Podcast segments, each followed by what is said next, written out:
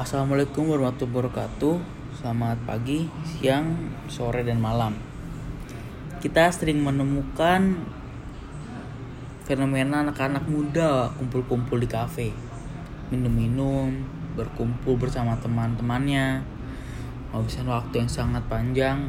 Sekali, banyak sekali Hanya untuk nongkrong, berbincang-bincang, dan seterusnya. Dan ketika azan berkumandang mereka pun tidak segera melakukan sholat atau begitu saja meninggalkannya. Ini adalah fenomena yang sangat disayangkan. Bahkan itu terjadi di generasi kita. Dan semoga Allah Subhanahu wa memberikan kita semua hidayah.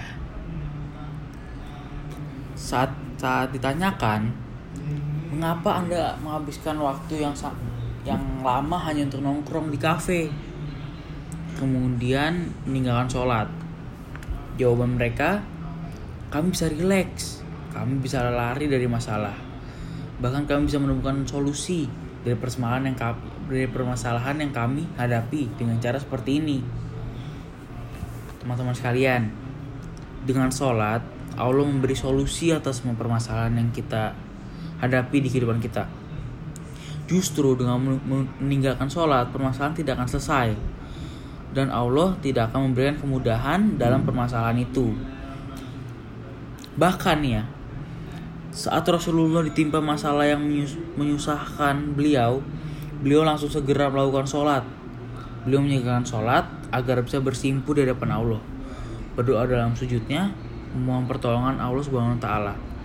Dan tidak lama Allah memberi Subhanahu wa taala memberikan pertolongan, melerai semua permasalahan yang melingkupi Rasulullah.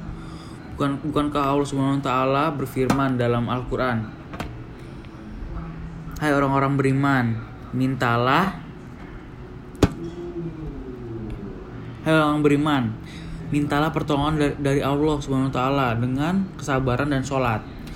Di samping kesabaran, sholat adalah kunci utama kita bisa keluar dari permasalahan bahkan bisa mendapatkan solusi dan mendapatkan hal-hal yang bisa membuat kita bahagia di dunia maupun di akhirat.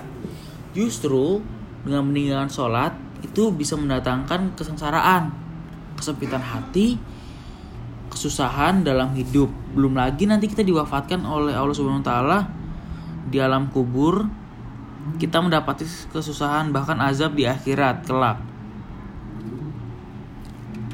Allah berfirman kepada orang-orang yang masuk neraka. Apa yang menyebabkan kamu masuk neraka jahanam? Mereka menjawab, kami tidak melaksanakan sholat. Itu jawab mereka. Teman-teman, justru meninggalkan sholat adalah yang membuat kita sengsara di akhirat. Terima kasih. Terima kasih telah mendengarkan kultum hari ini. Wassalamualaikum warahmatullahi wabarakatuh.